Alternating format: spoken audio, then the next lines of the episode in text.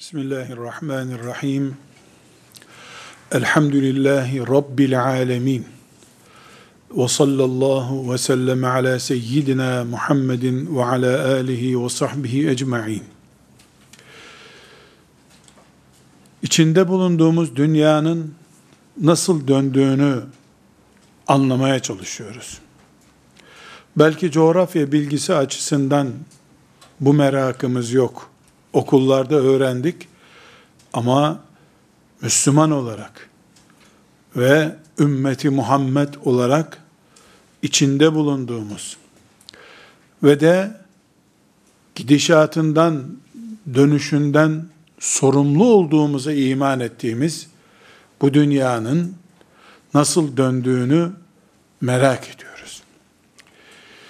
Gitgide de ahirete doğru yaklaştığımıza kesin itikadımız var. Dün salı günüydü. Bugün çarşambadır. Bir insan dese ki ahirete yakınlığımız açısından salı ile çarşamba arasında fark yoktur. Onun aklından şüphe ederiz. Veya imanından şüphe ederiz. Kesinlikle her geçen 24 saat biraz daha kıyamete ve ahirete yakın olma zamanıdır. Ahirete yaklaşıldıkça da dünyanın dönüşünde sorunlar artacak. İçinden çıkılamaz problem sayısı yoğunlaşacak. Düne göre bugün daha karmaşık hale gelecek.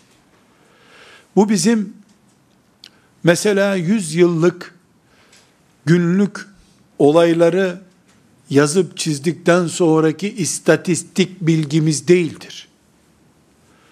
Kitabımız Kur'an'ı Resulullah sallallahu aleyhi ve sellemin sünnetini okuduktan sonra bu bilgiye vakıf oluyoruz. Her geçen 24 saat biraz daha karmaşıklığı artıran hız nedeni olacak. Bu nedenle bizim ahiret diye bir imanı olan nesiller olarak dünyanın dönüşünden ve yörüngesinden sorumlu bir ümmetin insanları olarak olup bitenleri kavramamız gerekiyor. Eğer dünyada maddi, coğrafyavi ve manevi depremler arttıysa, biz de kendimizi fay hattı üzerinde hissediyorsak, bu hem tedbir almamız açısından bize bir farklı çalışma teşviki olacaktır. Hem de nedenler, çareler ve sonuçlar üzerinden laboratuvar çalışması yapmak mecburiyetinde kalacağız. Bu ümmetin başına bin bir bela gelebilir. Ama asla olayları seyreden bir ümmet asla olamayız. Bağdat'ımız, Şam'ımız, Kahire'miz işgal edilebilir. Medeniyetlerimiz ardı ardına yıkılabilir. Bir yanda Haçlılar, bir yanda Moğollar tarumar edebilirler kütüphanelerimizi. Camilerimizi kubbeleriyle beraber yere çökertebilirler. Bu mümkündür. Ama bu olup bitenleri seyreden bir mümin nesil olmamız mümkün değildir. Bugün çözüm üretmeyi beceremeyen bir nesil belki olabiliriz. Yarına çözümün ip uçlarını hazırlamamış bir nesil asla olamayız. Çünkü biz ümmeti Muhammediz sallallahu aleyhi ve sellem ümmeti Muhammed bu kainatın gidişinden sorumlu bir ümmettir. Allah bu ümmete bu insanlığı bu toprağı teslim etmiştir. Kıyamet günü bütün insanlığın raporları bu ümmetten sorulacaktır. Siz insanlığın şahitlerisiniz Allah buyurmuştur. Ve tekunu şuhedâ'e alennâs. Siz insanların şahitlerisiniz. Herhangi birimiz bu şahitlik komisyonundan feragat etme hakkına sahip değiliz 15 yaşını doldurduktan sonra. 15 yaşına kadar herkes çocuktur. Veya bali olduğu güne kadar herkes çocuktur. Bali olduktan sonra sabah namazından sorumlu olduğumuz gibi namazı yönelerek kıldığımız kıblemiz Kabe'mizden ve kainatın dünyanın Kabe ekseninde olup olmamasından sorumluyuz. Bunun adı ümmeti Muhammed'in başında bir halife var mı yok mu dosyası da olabilir. Bu ümmetin çocuklarından tek bir çocuğun şirk tehlikesiyle karşı karşıya kalıp kalmadığı ile ilgili bir dosya olabilir. Bu kainat üzerinde bir ananın doğurduğu insanlardan bir tanesinin aç veya açık olup olmadığı ile ilgili bir sorun da olabilir. İnsanlık Allah'ın kulları ümmeti Muhammed'e emanettir.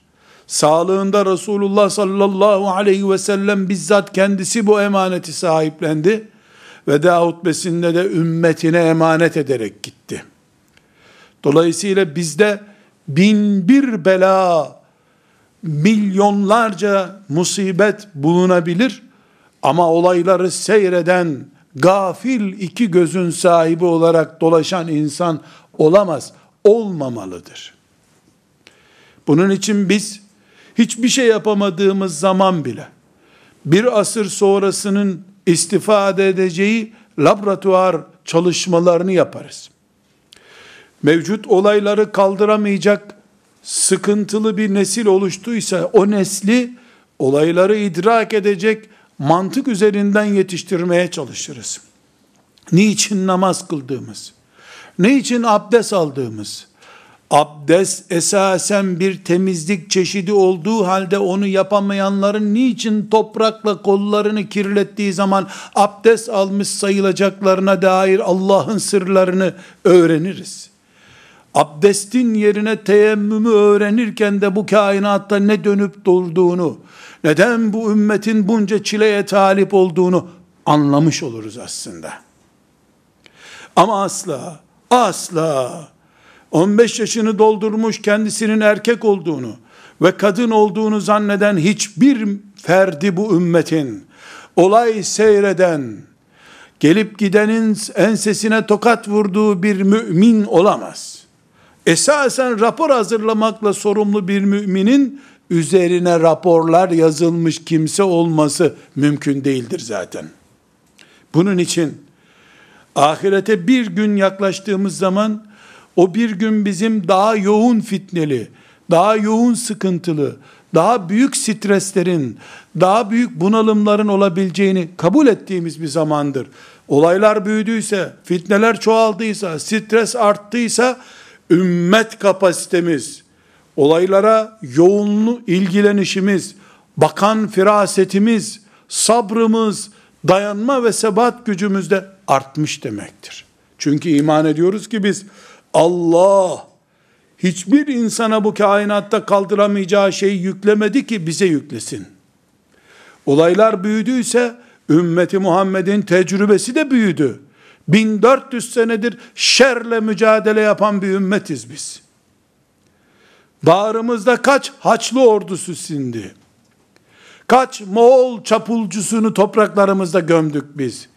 İlk defa karşılaşmıyoruz ki Uhud'du ilk karşılaşmamız. Bedir'de ilk karşılaşmamız. Kadisiye'ydi topraklarımızın dışına ilk çıkışımız. Yermük'tü, Tebuk'tu. Bugün biz milyonuncu defa şerle karşılaşıyoruz.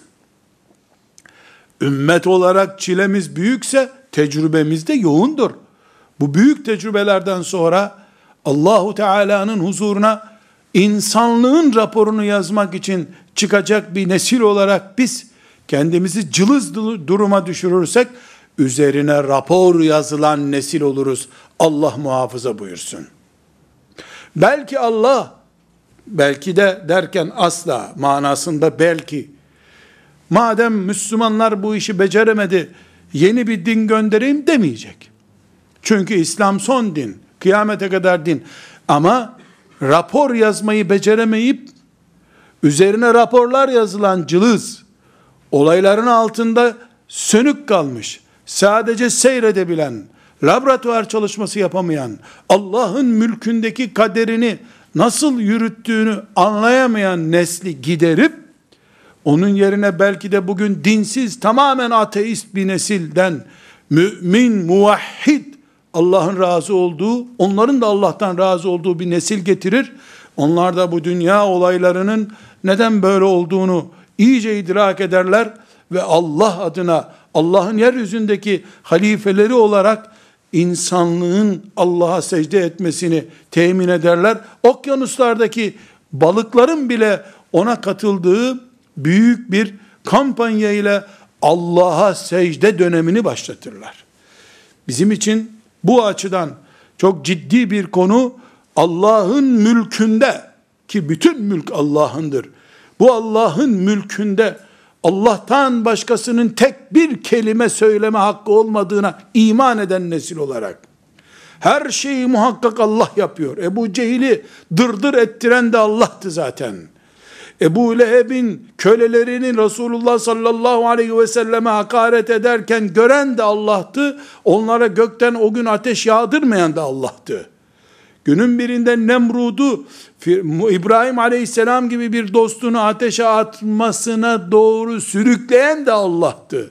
Bu kainatta akrepten kelebeğe kadar nedir Allah'ın mülkünün tasarrufunun dışına çıkabilecek olan ki bugünkü ümmeti Muhammed projesini Allah'ın küfür, şeytan ve benzeri güçler engelliyor. İslam'ın önünü tıkattılar denebilsin. Hayır.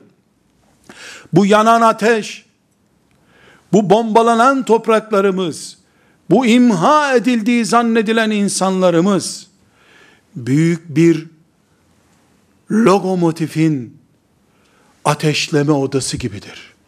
Ortada bir ateş, bir yangın var gibi görülüyor ama Allah'ın hesabında ise bu yangın zannettiğimiz şey bu lokomotifin yani insanlığın başını çekecek olan bu ümmetin ateşleme odasıdır aslında. Biz onu yangın zannediyoruz. Topraklarımız bombalanıyor zannediyoruz. Esasen Allah bu ümmetin gelecek neslinin ne kadar kavi bir sıçramayla, büyük bir hareketle bu bulunduğu noktadan Allah'ın arşına doğru koşan ve arşın gölgesinde yer arayan yeni bir nesil olduğunu görecektir insanlık Allah'ın izniyle. Tıpkı Haçlı sürülerinin, Moğol çapulcularının ümmetimizin sadece silkinip gafletinden uyanarak yeni bir hamle ile Allah'ın şeriatını ayağa kaldırmasına sebep oldukları gibi. Allah için zor mu var? Allah için olmaz kelimesi mi var?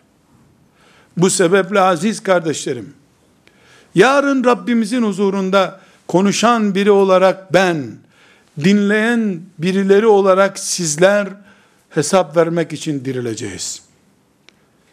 Allah o gün hesabımızı kolay etsin diye dua da ediyoruz. Ama bugün ben bu hakikatları Rabbimin kitabından esinlenerek sizlere hatırlatıyorum. Hatırlattığım için Rabbim bana rahmet edecek diye umuyorum.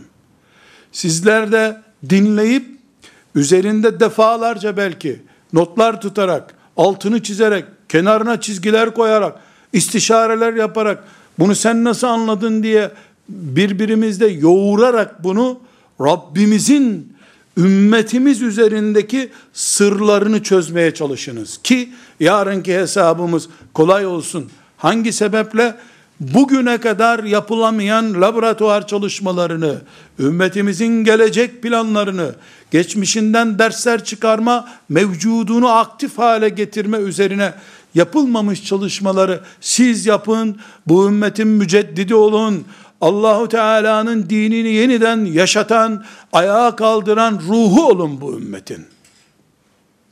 Kendisini elinde tesbihiyle veya kitabıyla veya defteriyle ya da arkadaşlarıyla bir kenara çekilmiş pısırık Müslüman olmak durumundan tenzih edin. Böyle bir böyle bir hale düşmektense neyime gerek benim? Ben niye bu ümmetin delikanlısı oldum? Niye bu ümmetin genç kızı oldum diye silkinin ayağa kalkın. Neyime gerek bu adilik, bu düşüklük, bu seviyesizlik deyin. Kimse kalkmazsa kalkmasın. Tek kalkarım. Ben varım ya Rabbi derim. İbrahim aleyhisselam da Allah'ın halili, dostu, tek başına bir ümmet olduğu zaman şu koca dünyada dört kişiydi.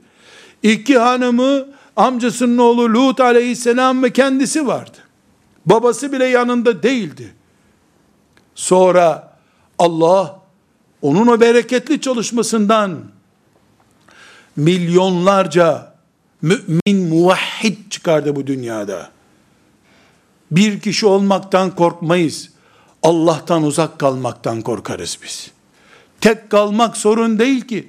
Tek kalmak Allah'a en yakın olmaksa şu kainatta kimse kalmasın ben Everest tepesinin en üstüne çıkarılayım iple bir helikopterle orada sarkıtılayım insanlığın tek muvahhidi olayım asla yılmam diye iman etmek zorundayız. Güzel kardeşlerim bu laboratuvar çalışmasını yaparken bazı hakikatleri idrak etmemiz lazım. Bir, Allah kullarını imtihan etmek için yaratmıştır. Bu imtihan olmasaydı insanı yaratmayacaktı zaten. Doğal olarak Allah eğer imtihan için yarattıysa imtihan da insanın damak tadına göre ayakkabı numarasına göre olacak hali yok herhalde. Lütfen biraz koşar mısınız diye atlete denmez ki. Şu metreden şu metreye koş denir. Allah imtihan için yarattıysa, imtihanın da şartlarını, tipini ve sonuçlarını o belirleyecektir ki imtihan olsun bu. Mümin olmak, imtihan olmayı kabul etmektir. Fitnenin fay hattının üzerindeyiz diyoruz. Laboratuvar çalışması yapıyoruz şimdi. Bunu tahlil ediyoruz. Allah imtihan etmeyi murad ettiyse Fakirlikle de imtihan edecek, zenginlikle de imtihan edecek, sağlıkla da imtihan edecek, hastalıkla da imtihan edecek, gençlikle de imtihan edecek, ihtiyarlıkla da imtihan edecek, cinsellikle de imtihan edecek, başka bir şeyle de imtihan edecek. Ama bu kainatta en büyük imtihanı insanın iblistir. İblis de insanların içerisinden bulduğu yardakçılarıyla karşımıza çıkar. Dolayısıyla bizim en büyük imtihanımız Allah'ın arşına doğru koşarken bizim gibi insanlardır. Yer yer bizim gibi insanların bizim ümmetimizden de birilerinden olması mümkündür. Binaenaleyh biz ormanda yürürken yabani hayvanlardan korkarak yürüdüğümüz gibi bu dünyada Müslümanlık yürüyüşü yaparken tevhid insanları olarak bu dünya meydanında yürürken bizim gibi insanlardır rakiplerimiz ve düşmanlarımız. Hem cinslerimiz, vatan arkadaşlarımız, soydaşlarımız, akrabalarımız, bir aile içerisindeki en yakınlarımız, evladımız, anamız, babamız mümkündür.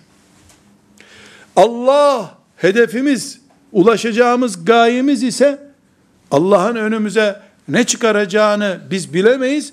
Biz blok olarak Allah'ın imtihanına hazır olmak zorundayız. Allah'ın bizi yaratma nedeni budur. Furkan suresinin 20. ayetinde Bu sır çok açık bir şekilde karşımızdadır. Laboratuvar çalışması yapıyoruz. Euzu billahi mineşşeytanirracim. Bismillahirrahmanirrahim. Ve cealna ba'dakum li ba'din fitne. Etasbirun? Ve kana rabbuka basira. Üç cümle. Ve cealna ba'dakum li ba'din fitne. Etasbirun? Kana rabbuka basira. Şu fay hattının bir numaralı kuralı budur. Biz sizi birbirinizin fitnesi yaptık. Birbirinizin imtihanı yaptık. Etasbirun? Bakalım sabredecek misiniz? O kana rabbuka basira. Allah ise her şeyi görüyor. Bunun için Haçlı ordularıyla karşılaşan Selçuklu'nun perişanlığından sonra filanca Osmanlı sultanının kardeşi tarafından mesela öldürülmesi ne anlama geliyor? Haçlıları daha yeni kovduk topraklarımızdan. Niye kardeş kavgası yapıyoruz biz burada diyemezsin. Niye diyemezsin?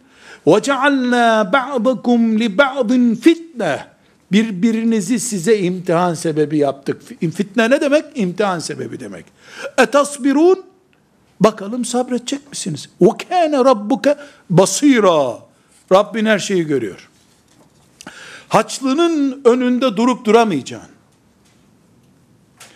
Güzel bir cinsel hissiyat veren erkeğin veya kadınsan, erkeksen kadının önünde durup duramayacaksın.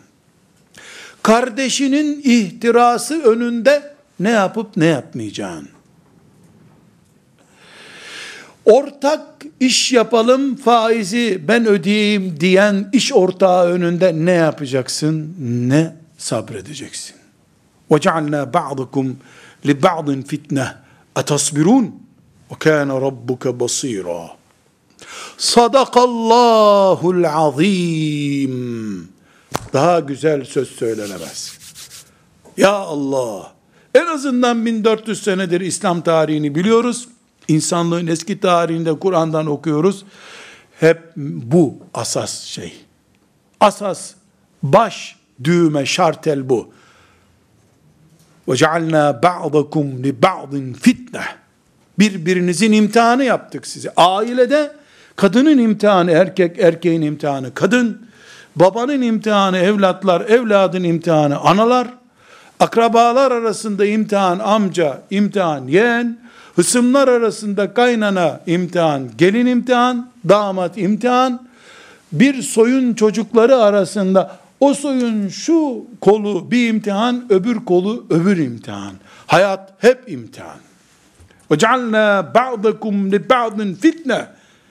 La havle ve la kuvvete illa billah der gibi teselli bulacağımız bir ayettir bu. El Furkan suresinin 20. ayeti. Bu laboratuvar çalışmamız bizim. Bunu bilenler olayların içinde kahrolup gitmezler. Biz beraber 10 sene önce bu vakfı kurmuştuk da şimdi niye bu vakfın üzerinden biz kavga ediyoruz diye gereksiz bir tartışmaya girmezler. Çünkü Allah bir vakıf kursan bile filan camiyi yaptırmak için beş talebe ilim öğrenmek için beraberce gurbete çıksanız bile birbirinizle sizi imtihan eder. Bu imtihan her zaman onun parasını almak şeklinde değildir Onun o beş kişiden bir tanesini mesela tembelleştirerek hız kesip kesmeyeceğini sende görmek ister Allah. Hafız olmak için çıktığımız yolda beş kişi bir tanesi ben bırakacağım bu işi dediği gün وَجَعَلْنَا بَعْضَكُمْ لِبَعْضٍ fitnettir. O gün dimdik durup sen bırakabilirsin. Ben arşın gölgesinden önce mola vermeye niyetli değilim dersen ve kana rabbuke basira. Seni Rabbin o gün gördü işte. Sen o gün imtihan kazandın. Bu laboratuvarımızın bir numaralı tahlili. İkinci tahlilimiz Allah'a iman ediyorsak elhamdülillah Allah'ın hükmünde yürüyor her şey diye iman ediyorsak, elhamdülillah, öyle yani. Rabbimizin vaadinde bir tereddüt yok. Tam buyurduğu gibidir diyorsak, tıpkı ashab-ı kiramın hendek günü dediğini diyebiliyorsak, o zaman şunu söyleyeceğiz. Allah sonuçlara bakıyor. En son ne olacağını hükmediyor Allah. Ara yerdeki görüntülere Allah'ın itibarı yoktur. Allah'ın itibarı İbrahim aleyhisselamın ateşe atılma hazırlıkları o büyük orman gibi ateşin tutuşturulmasında değildi. İtibarı neredeydi Allah'ın? Berdü selama dönüşmüş o ateşin içindeki huzur haliyle duran İbrahim de Allah'ın gözünde görülen şey. Ara yerleri Allah görmedi.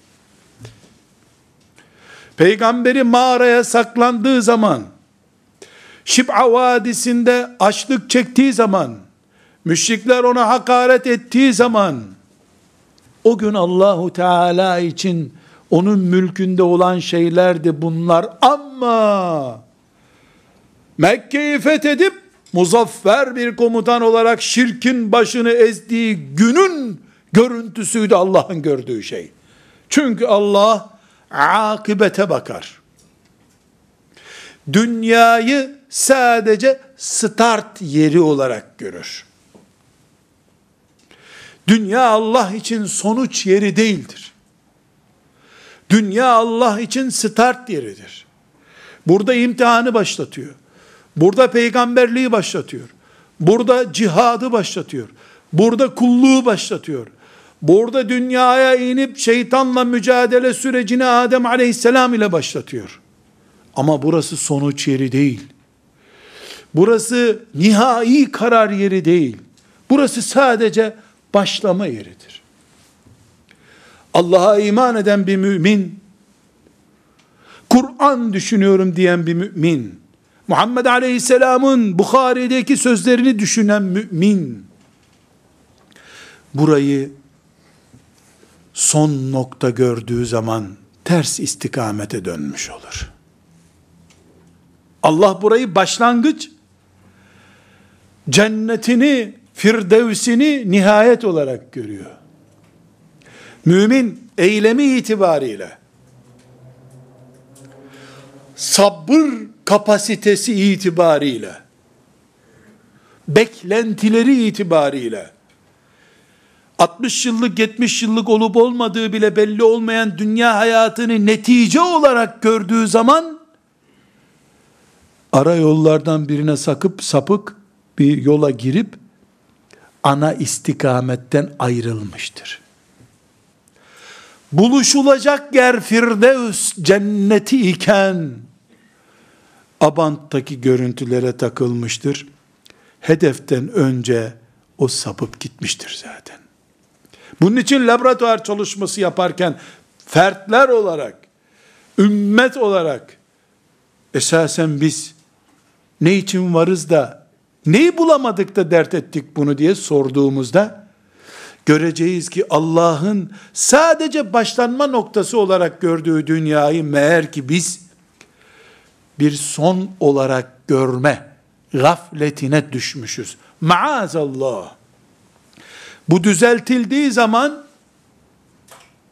parmağı koptuğunda parmağına bakıp Allah yolunda sen düşünülüp hesabı yapılacak bir şey bile değilsin diyen şuura sahip oluruz. Şehitliği o gün edebiyatı üzerinden değil, emekli olduktan sonra Allah hepimize nasip etsin diye bir tür alay mantığıyla baktığımız bir beklenti olarak değil. Ya Rab, akşam güneşi batmadan önce bana şehitliği nasip et diye her sabah evden çıkarken duasını yaptığımız bir hasret olarak yaşarız. O zaman secdedeyken Subhanallah derken bütün ciğerleri ağzından gelmiş ve içinde bir şey kalmamış kadar dünyanın en mutlu insanı olduğunu secdede hissederiz. Harise bunu yaptı. Kendimi arşta hissettim ya Resulallah dedi. Niye? Çünkü iman etti ki bu fani dünya Allah ile buluşma yeri değil. Bu fani dünyanın her şeyi benim avucuma konsa fani nasıl olsa bu ne mutlu edecek beni. Ebedilik vasfı olmayan bir yer olduğu gibi benim olsa ebedilik için yaratılmış bir ruh bununla lezzet bulamaz. Bir saat bulur, bir gün bulur, o lezzet dediği şey bile sonunda ona dert olur diye düşünür. Allah'ı arayan arayışında gerçekse eğer, bulacağı yerde Allah'ı arar. Allah'ın bulunmayacağı yerlerde, Allah'ın cennetinin bulunmayacağı yerlerde, Allah'ın rızasının ebedi olarak bulunmayacağı yerlerde Allah'ı aramak gaflettir. Bunu biz ibadet anlayışımıza yerleştiririz. Bunu biz İslami çalışmalarımıza yerleştiririz de sonra deriz ki ben 150 sene çalışırım. 150 sene malımı, canımı, her şeyimi feda ederim. 150 sene sonra İslam'ın devleti mi kurulmuş, halifesi mi gelmiş beni hiç alakadar etmez. Ben birileri bu ümmetin başına geçsin halife olsun ben de dışarıdan seyredeyim gibi bir gaye için çalışmıyordum ki zaten. Rabbim benim için çalış dediği için çalıştım. Rabbim bana çalış dediği şekilde de çalıştım ben. Gerisini de ona bıraktım. O ister İslam devleti kurar, isterse bu projesini 500 sene erteler. Kim karışa Allah'ın işine ki? Kim burnunu soka Allah'ın işine? Dileseydi Allah zaten sarsmazdı bu düzeni. Belli ki Ali bin Ebi Talib radıyallahu anh'ı çok seviyordu Allah. Peygamberinin damadıydı. Allah'ın arsanıydı. Bunu sevdiği belliydi. Onun elinde yıkmazdı bu devleti Allah. Böyle bir plan olmasaydı Allah'ın. Proje Allah'ın projesi. Din Allah'ın dini. Her şey Allah'ın. Mümin haddini bilmesi gerekmez mi? Allah'ın mülkünde kim kimin işine karışır? Onun için laboratuvarımızda önümüze çıkacak ikinci rapor kimin mülkünde kimin hesabını yapıyoruz biz. Allah burayı sadece çalışma başlangıç noktası olarak görüyor. Asla karşılık yeri, ödül merkezi olarak görmüyor. Böyle bir beklentimiz de esasen edep değildir. Allahu Teala'ya karşı edep kıtlığıdır. Cennetini vaat eden bir Allah'tan çay bahçesi nasıl isteriz biz? Buluşma yeri olarak arşının gölgesine davet ettiği genç çınarın altını nasıl ister Allah'tan? Unutmuyoruz. İkinci noktamız biz kesinlikle Allahu Teala'nın kuralına tabiiz. Nedir o kural? Dünya başlangıç yeridir. Akibet muttakiler içindir. O muttakilerin buluşma yeri de cennettir. Dünyada filan fetihten sonra filan sahabi evet doğru. Ama o fetih de sonra bir dert oldu. Dünya öyle bir yerdir ki fethettiğin yer bile seni ezebiliyor. O da bir imtihan çünkü. Nimeti de imtihan dünyanın. Üçüncü noktamız Allah haşa gafil değildir kafir kullarından. iblisten. Asla gafil değildir Allah. Ama bir kanun koymuş. O kanun şu. Hesapla, hesaplaşma yerinde görüşeceğiz. Kur'an'ımızdan çok açık ve seçik anlıyoruz ki, eğer hesaplaşmayı Allah, Lut aleyhisselamın kavmine yaptığı gibi, Nuh aleyhisselamın kavmine yaptığı gibi, Nemrud'a yaptığı gibi, Firavun ailesine yaptığı gibi, hemen burada görseydi Allah hesapları, dünyanın var olma gereği yoktu zaten. Çünkü kötünün kökü biterdi. Halbuki Firavun'u boğduğu topraklarda Allah'ı bırakıp bir buzak çamuruna tapınan nesil çıktı o gün. O mucizeyi görenler. Firavun'un boğulduğunu ve Allah'ın ordusuyla beraber onu helak edip intikamını aldığını görenler, ya onlar, onlar o adamlar. Bunu başkalarından duyanlar değil. Onu bizzat orada görenler, bir ay iki ay geçmeden çamurdan bir buzak tap, yapıp ona tapındılar Allah'ı bırakarak. Peygamber de başlarında, Harun aleyhisselam da başlarında bekliyordu.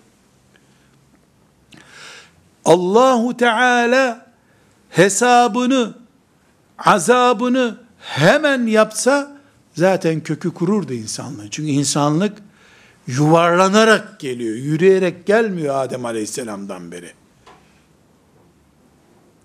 Ama Allah hesap yerine erteliyor. Laboratuvarda üçüncü gerçek bu karşımıza çıkan gerçek.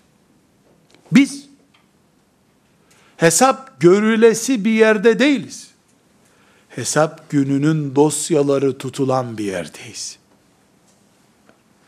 Dolayısıyla 50 senedir ümmetimize kan kusturan şer güçlerin niye hala ellerini kollarını sallayarak dolaştıkları bir dünyadayız biz sormayız.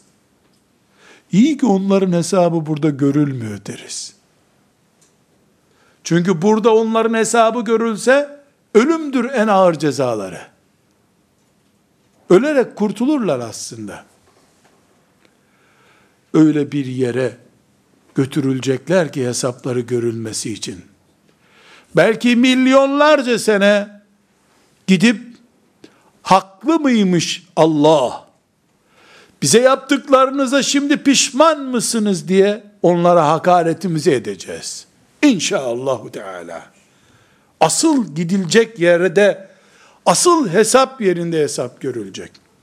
Kur'an'ımızın bu konuda içimizi açan ayetleri var. Bu ayetleri mesela İbrahim suresinin 42. ayeti. وَلَا تَحْسَبَنَّ اللّٰهَ غَافِلًا عَمَّا يَعْمَلُ الظَّالِمُونَ İnnemâ yuakhiruhum li yevmin teşkasu fihil absar. Sadakallahul azim.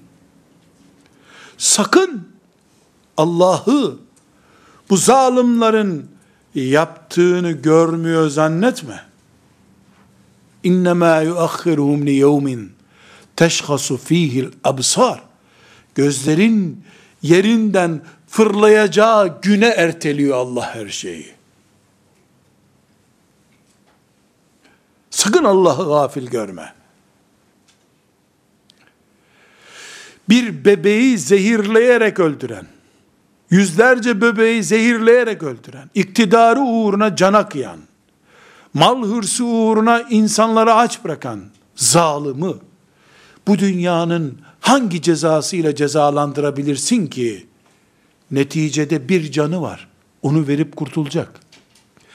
Canının çıkmayacağı yerde ona azap edildiğinde hakkaniyet yerini bulacak Allah'ın izniyle. Canların çıktığı bir yerde yapacak bir şey yok ki. Herkes buna bir tokat vursun desen, onun zulmünü görenler birer tokat vursa, iki bininci kişiye sıra gelmeden geberip gidecek. Nerede gerisinin hakkı? Ama öyle bir yere gidecek ki, Ateşte derisi yüz bin kere yandığı halde yüz bin birinci defa tekrar Allah onu diriltecek. Küllema nalıcet culuduhum beddelnahum culuden gayraha. Eti yanıp su olacak anında tekrar yaratılacak. Yanıp su olacak tekrar anında yaratılacak. Trilyonlarca kere bir günde yanıp kavrulduğu zaman trilyonlarca kere her sene ölümü tadan birisinin azabını bu dünyada tasavvur etmek bile mümkün değildir. Öyle bir yere gidiyorsunuz merak etmeyin kullarım diyen Allah bizim Allah'ımızdır Celle Celaluhu. Fay hattında olduğumuz doğrudur. Ama biiznillah koruma alanı dışında değiliz Allah'ın. Fay hattındayız ama Rabbimizin çekim alanındayız biz rahmetinin bizi kuşattığı bir alanda bulunuyoruz. İster fay hattı olsun, isterse cehennemin üstüne kurulmuş sırat köprüsü olsun, Allah'ın rahmetinin çekim alanında olduğumuz sürece endişemiz yoktur. Cehennemin üstüne kurulu, sırat köprüsünden yürürken bile onun rahmeti bizimle olsun, mağfireti bizimle olsun, gerisi önemli değildir. Deriz.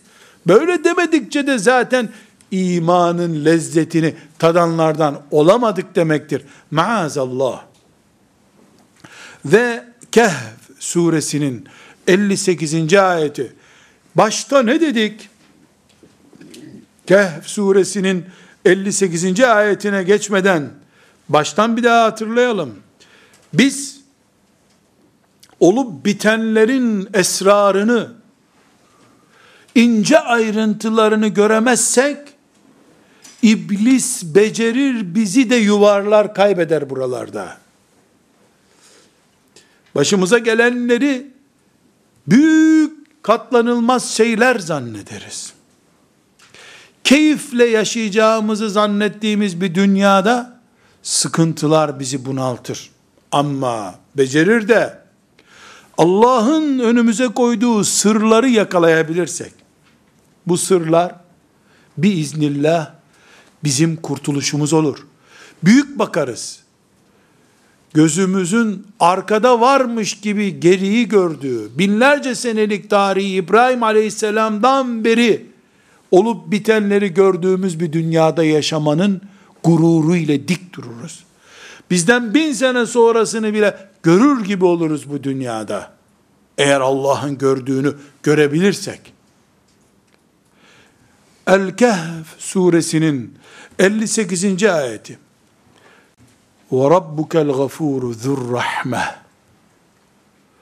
Şu mağfiret sahibi Rabbin çok merhametlidir. Lev yuâkhidhum bima kesebû leaccele lehumul azâb.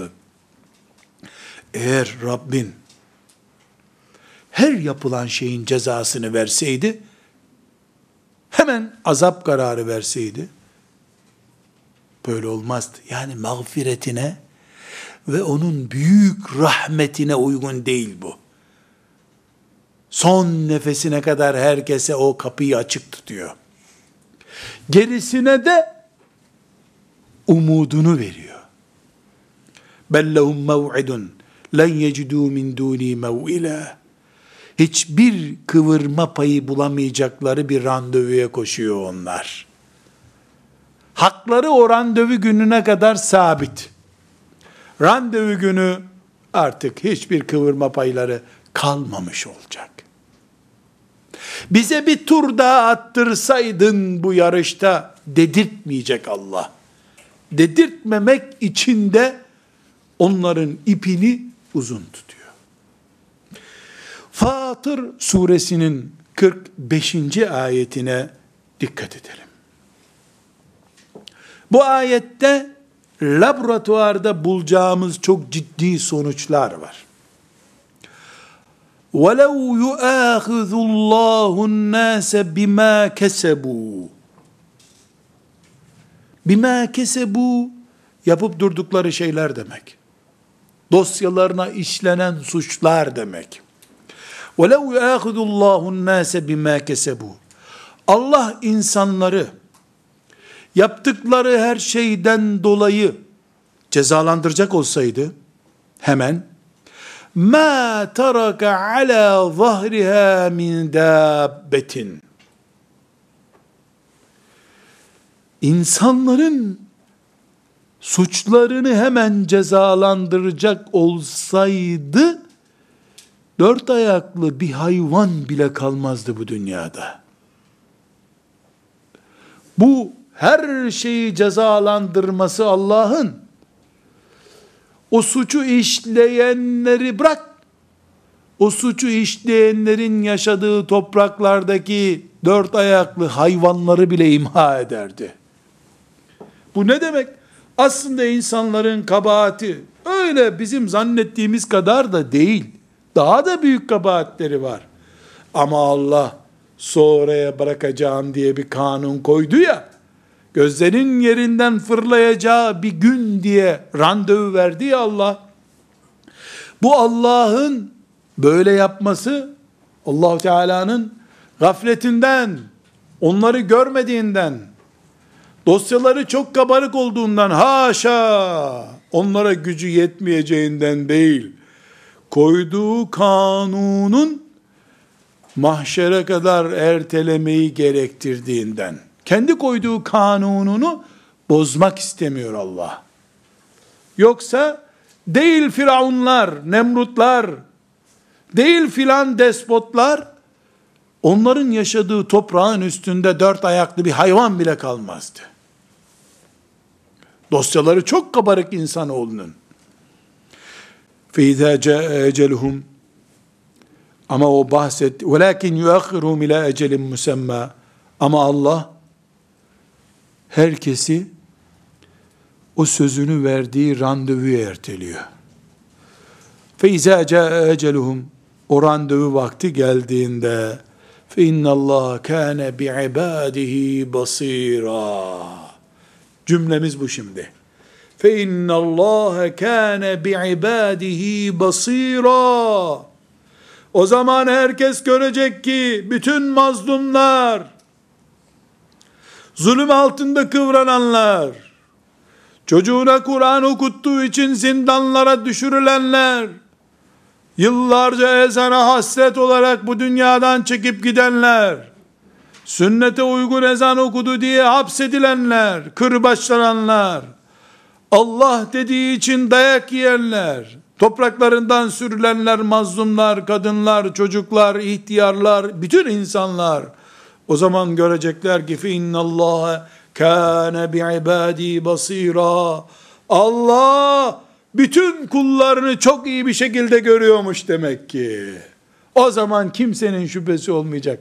Hatta mazlumların bile unutu verdiği bazı şeyleri Allah unutmamış olacak. Mazlumlar yediği dayakları unutacak belki. Yüz soba mı yedi? Kırk kamçı mı yedi? Yirmi dipçik mi yedi? Onu o bile unutmuşken Allah saymış olacak onları. Fe innallâhe kâne bi'ibâdihi basîrâ. İmanı bu olan için gam yok bu dünyada. Rabbim benden iyi görüyor gördüğünü. Ben hesap sormaya kalksam bu mel'undan, bu kafirden unuturdum soracağım şeylerin çoğunu. Ama öyle bir Rabbim var ki fe innallaha kana bi ibadihi basira kullarını mümin kafir zalim mazlum kadın erkek herkesi hiçbir harfi hiçbir kareyi kaçırmadan, hiçbir nefesi, hatta gözlerin gördüğü hiçbir sahneyi dahi kaçırmadan gözleri gören, gözlerin gördüğünü gören, kulakların duyduğunu duyan, ağızların konuştuğunu duyan, kaydeden, yazan, bir deftere dolduran Allah benim Allah'ım ise kafir yaptığını yapsın görelim. Yeter ki ben kafirin önünde zilleti kabul eden, perişanla razı olan, sefalete ikna olmuş bir mümin olarak onun huzuruna çıkmayayım. O gün beni de o haliyle gördüğü için Allah ben de perişan olurum. Esasen demek ki müminin vazifesi Allah'a dayanmak. Allah'la beraber yol almak, onun Kur'an'ına göre yaşamak, peygamberini aleyhissalatu vesselam örnek almak, ashab-ı kiramı yanında hissetmektir. Bunu becerdikten sonra mümin için sıkıntı yoktur. Mümin rahattır.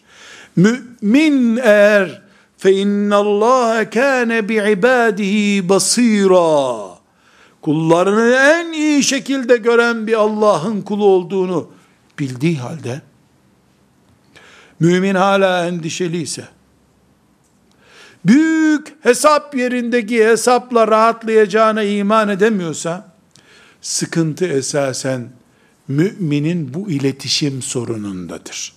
Hattı çekmeyen bir yerdedir o. Bulunduğu vakıf hat çekmeyen bir yerdir. Yer değiştirsin. Namaz kıldığı camide hat çekme sorunu vardır. Kur'an orada tam çekim yerinde değildir. Başka bir camiye gitsin. Sabah namazında dinlediği Kur'an onun iletişimini kursun.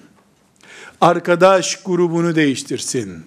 Okuduğu kitaplar, kültürel gazeteler, dergilerini değiştirsin. Çünkü çünkü basir olan, kullarını yüzde yüz gören, hiçbir kulunun hakkını hiçbir kafire yedirmeyen, Allah'ın kulu olup da bebekler gibi ağlamak mümine yaraşmaz. Bu laboratuvar tahlillerine devam edeceğiz inşallah. Velhamdülillahi Rabbil Alemin.